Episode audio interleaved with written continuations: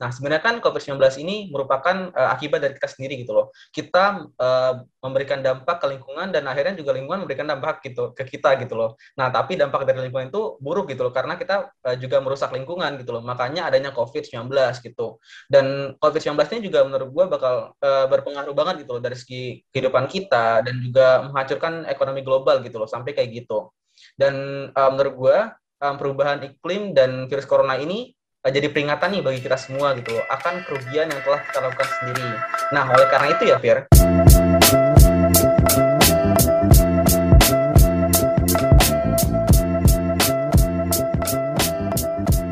Halo guys, selamat datang kembali di podcast Dream Talk bersama gue Firda. Gimana nih kabarnya pendengar setiap podcast kita? Semoga kalian always stay safe and healthy ya. Hari ini gue kembali dengan topik baru yang gak kalah menarik dengan topik-topik yang sebelumnya nih. By the way, sekarang kan tanggal 22 April 2021 nih.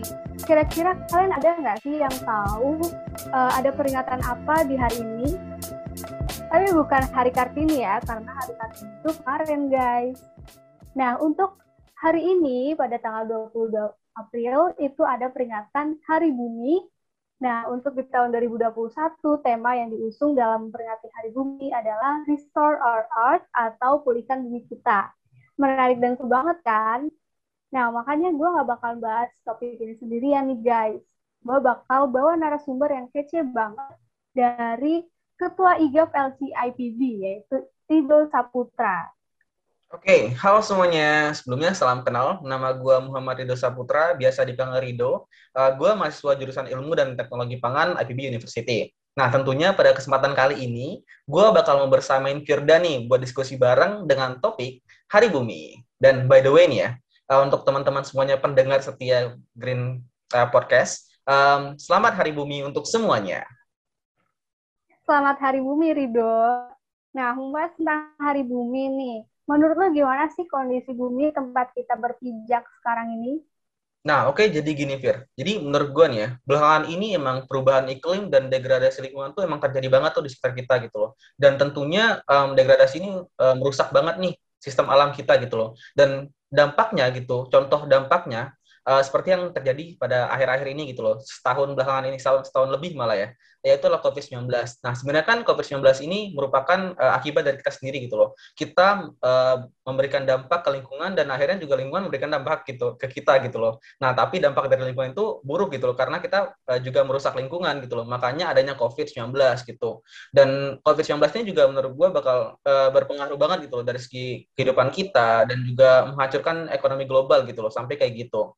Dan uh, menurut gue um, perubahan iklim dan virus corona ini Eh, jadi peringatan nih bagi kita semua gitu loh akan kerugian yang telah kita lakukan sendiri. Nah, oleh karena itu ya Fir, peringatan Hari Bumi ini ditujukan untuk mengingatkan kita akan peluang ke depannya untuk melindungi bumi kita. Nah, tentunya nih dengan adanya Hari Bumi ini kita harus memulihkan bumi kita bukan karena kita cuma peduli sama alam tapi juga karena kita juga berdiri di atasnya kan ya. Kayak gitu sebenarnya Fir. Wah, setuju banget sih, Dok. Karena planet yang sehat, di mana kita bisa hidup bahagia, bukanlah sebuah pilihan, tetapi kebutuhan. Nah, setiap dari kita membutuhkan bumi yang bahagia dan sehat untuk mantap pencarian yang baik, kesehatan, dan kelangsungan hidup. Terus nih, Dok, emangnya ada upaya apa aja sih yang kita bisa lakukan di Hari Bumi sebagai aksi nyata untuk terus menjaga bumi Nah, jadi gini ya, Fir. Kan seperti yang lu tadi sebutin di awal juga, tema yang diangkat pada tahun ini adalah Restore Our Earth gitu, pulihkan bumi kita. Nah, sebenarnya dari tema ini ada lima program utama gitu, dan banyak banget program kecil, program-program kecil yang lainnya gitu. Nah, untuk lima program utama ini, yang pertama adalah Canopy Project, yang kedua ada Food and Environment, yang ketiga ada Climate Literacy, yang keempat adalah Global Earth Challenge, dan yang terakhir adalah The Great Global Clean Up. Wah, dari nama-nama programnya sih kayak udah menarik banget gitu ya, Dok. Tapi boleh dong dijelasin satu-satu mengenai lima program yang udah lu sebutin tadi. Uh, boleh kita mulai dari Canopy Project dulu deh. Oke, jadi gue mulai dari yang pertama. Nah, jadi eh, secara garis besar, Canopy Project ini adalah program penanaman pohon yang ada di seluruh dunia. Sejak 2010 nih, udah lama banget pastinya kan ya. Sejak Wah, iya dengan tujuan memperbaiki lingkungan hidup kita. Nah, Canopy Project ini uh, sudah menyumbangkan banyak banget gitu loh, sampai puluhan juta loh, Fir, pohon yang menyebar tersebar di seluruh dunia. Wah, kece banget dong ya. Walaupun hari bumi ini cuma dirayakan setahun sekali, tapi dampak dari salah satu programnya aja udah sebesar itu gitu. Selanjutnya kalau program Food and Environment itu apa sih, Bro? Nah, jadi yang kedua nih ya. Nah, kalau untuk program yang satu ini, sebenarnya itu kita um, program untuk mengurangi footprint um, dengan diawali dengan mengukur dampak lingkungan akibat dari memproduksi, mengangkut, sama menyimpan bahan makanan. Karena sebenarnya ya, Fir, um, makanan kita yang ini kan mau berbuka puasa nih ya, kayak dari makanan kita itu aja sebenarnya dari segi produksinya, dari segi mengangkutnya, itu ternyata juga menghasilkan polusi loh sebenarnya. Ini juga relate sebenarnya sama uh, jurusan saya, jurusan gua gitu kan ya. Jadi um, sebenarnya makanan yang kita makan dan yang diproduksi kayak kaleng-kalengan itu juga sebenarnya menghasilkan polusi gitu loh. Nah, jadi kayak gitu sebenarnya untuk program ini.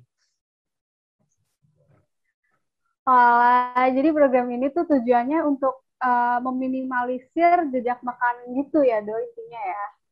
Iya, bener banget tuh, Fir. Jadi secara gak langsung nih ya, jejak makanan yang dihasilkan manusia itu sebenarnya kontribusi banget tuh terhadap kerusakan bumi gitu loh. Makanya, di program ini, kita itu harus mengurangi jejak makanan yang kita buat gitu loh. Dan contohnya gimana?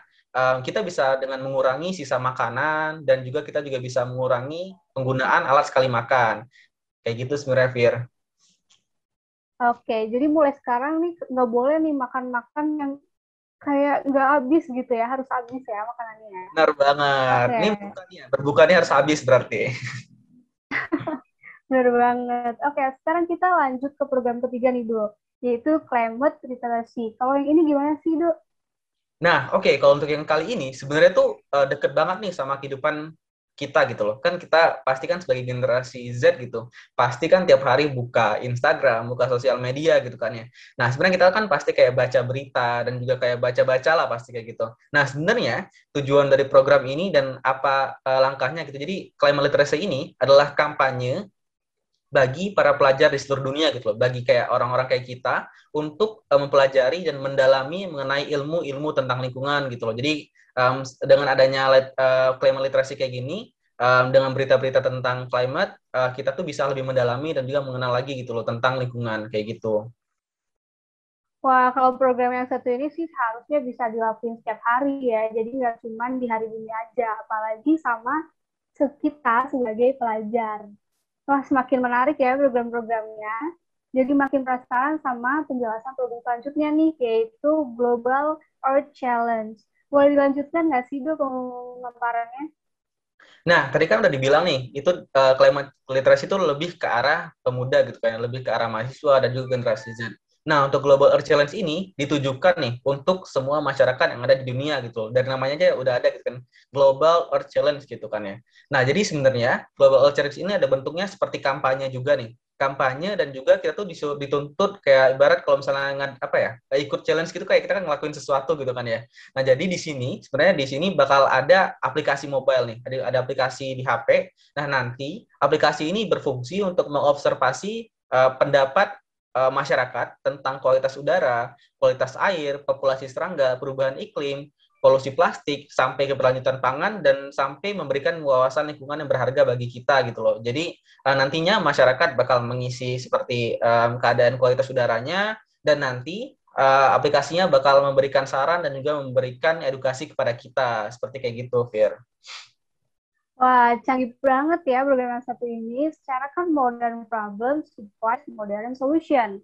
Nah, lanjut nih do, program terakhir di hari ini 2021 yaitu The Great Global Clean Up.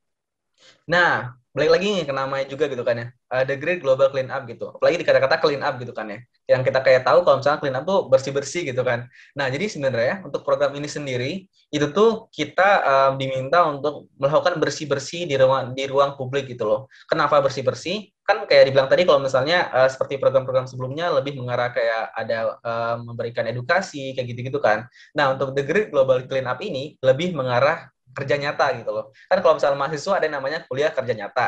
Nah, kalau misalnya Degree Global Clean Up ini untuk kerja nyatanya uh, pada hari bumi nanti kayak gitu loh. Jadi kita bakal membersihkan ruang publik karena dengan uh, adanya aksi dari kita itu tuh bisa sebenarnya bisa berdampak banyak gitu loh dan salah satu cara terbaik juga untuk memberikan dampak positif bagi bumi kita. Wah, asli sih, keren keren banget program di Hari Bumi 2021 ini. Pastinya semua akan memberikan dampak yang luar biasa bagi bumi kita, apalagi kalau dilakuin setiap hari gitu, setiap hari secara berkelanjutan. Nah, nggak kerasa nih udah lumayan lama ya kita diskusi bareng, dan sekarang kita udah berada di penghujung podcast Green Talks episode kali ini. Tapi sebelumnya, gue mau berterima kasih nih kepada Rido selaku narasumber yang udah berbagi ilmunya kepada tua dan tentunya teman-teman pendengar setiap podcast ini.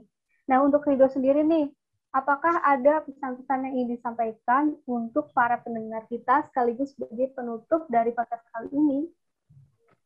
Oke, untuk teman-teman pendengar setia Green Talk Podcast, jadi sebenarnya program-program yang gue jelasin tadi itu adalah merupakan lima nih, lima dari sebenarnya banyak banget program yang bisa kita lakuin gitu loh.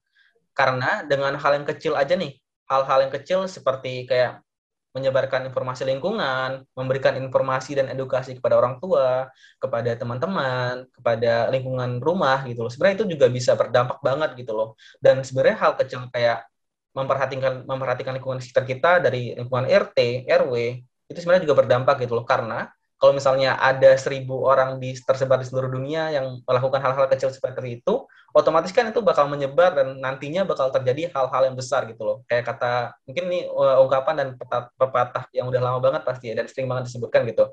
Kayak beri aku sepuluh pemuda gitu kan termasuk kayak hal-hal yang kecil tapi bisa dilakukan secara luas gitu. Jadi bukan cuma itu doang kayak pepatah tentang um, lidi yang cuman kecil kalau misalnya digabung bisa jadi besar dan bisa bermanfaat itu kan juga termasuk pepatah yang bisa menggambarkan hal kecil itu sebenarnya bisa uh, memberikan dampak yang besar gitu loh. Seperti itu, Fir. Oke, setuju banget sih, Do. Kita sebagai mahasiswa bisa kok mulai dari hal-hal kecil untuk menjaga bumi kita uh, dari membuang sampah pada tempatnya, menggunakan listrik dan air cukupnya, mengganti penggunaan produk sekali pakai, dan menyebarkan pengetahuan yang telah kita peroleh kepada orang-orang di sekitar kita sehingga uh, dampak positifnya tuh dapat semakin meluas. Nah, terima kasih banyak nih untuk kalian para pendengar uh, podcast kita kali ini. Uh, jangan lupa untuk like dan share ke teman-teman dan keluarga kalian untuk dengeran untuk dengerin podcast ini agar semakin banyak orang yang peduli terhadap lingkungan. Nah, kalian bisa mengirim kritik dan saran via Instagram kita di @igapipb. Nah, sekian podcast Green Talks episode hari ini ini dan akhir kata gue Firda. Gue Rido. Kami pamit undur diri. Sampai ketemu lagi di episode Green Talk selanjutnya. Salam Green Talk, hijau kampusku, hijau Indonesiaku.